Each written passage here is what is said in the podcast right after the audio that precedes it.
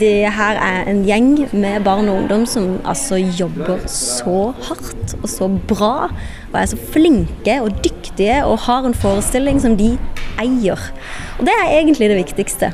Så skal vi selvfølgelig nå som vi jobber teknisk, da, for det her blir jo tech-ukene eller tech-dagene våre. Det er jo begrensa hvor mye tid vi får, men så jobber vi da med også bare løfte med lys og lyd og alt dette her. Men eh, de har en forestilling.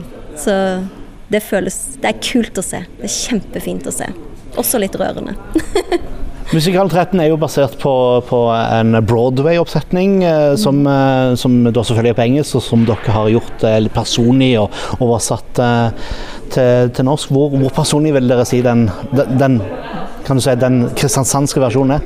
Ja, den er ganske personlig for de, tror jeg. Fordi at de justeringer vi har måttet gjøre bare for å få det til å bli tilgjengelig for dette publikummet, da, har jo også vært ting som ja, vi har oversatt, og så har vi på en måte bedt om innspill fra den gjengen vi har jobba med. Så disse barna som står på denne scenen, har jo også bidratt inn i den prosessen for å levendegjøre det, og for at det skal bli de sitt. Som har vært veldig viktig for meg. Så det er klart at vi har jo holdt oss innenfor visse rammer, men uh, så noe kommer jo fra selvfølgelig meg, min basert, eller på sånn tanker og følelser rundt min egen oppvekst. Man begynner jo å tenke tilbake. Noe er ting som kanskje Jostein kjenner seg mer igjen i. Og så tror jeg barna også har et veldig sånn eierskap til det, fordi at de har fått lov um, å være med.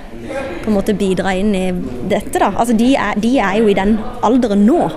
Så det er jo viktig at det er de sin stemme også. Mm. Og så tror jeg det er litt viktig å få med at Blå Kors har jo òg eh, gitt, eh, gitt, sin støtte til, til, til denne forestillingen. Hvor, hvor, hvor, gøy er det? Og det er kjempestas! Det er kjempefint. Det blir jeg veldig glad for. det er jo en viktig tid, eller en viktig tid, det var kanskje feil ord å bruke, men det er viktig, en viktig tid å ha et eller annet fokus på. Det er tøft, altså, å gå på ungdomsskolen. Og um, ja. Det er jeg husker i hvert fall tilbake på min egen oppvekst da, og sånn som jeg opplever at jeg møter ungdom nå, så er det mye mer sånn nesten liv og død. De tingene man står i er så store og um, altoppslukende. Og man Ja. Det er, det er tøft. Og eh, hovedpersonen Even han eh, bor jo da i Kristiansand, han er, han er, bygutt, og så skal han til Vennesla. Er det et lite stikk til, til Vennesla hvor forferdelig det er ute på bygda? Kan vi ikke kalle det en kjærlighetserklæring? Nei, men vet du hva.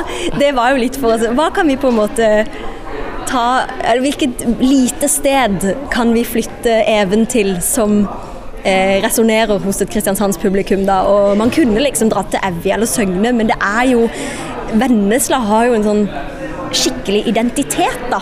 Som er veldig lett å på en måte fargelegge litt med. Men det er ikke et hån, virkelig ikke. Og en av hovedrolleinnehaverne er jo Kav Vendøling, så det var jo en av grunnene til at eh, det var fint å plassere det der. Så eh, nei, det er litt sånn gøy humor. men også en kjærlighetserklæring. Så vennedølene som kommer her i publikum, de må ikke føle seg støtt? Å nei, nei, nei, virkelig ikke. Det er mye fint med Vennesla òg. Mye fint.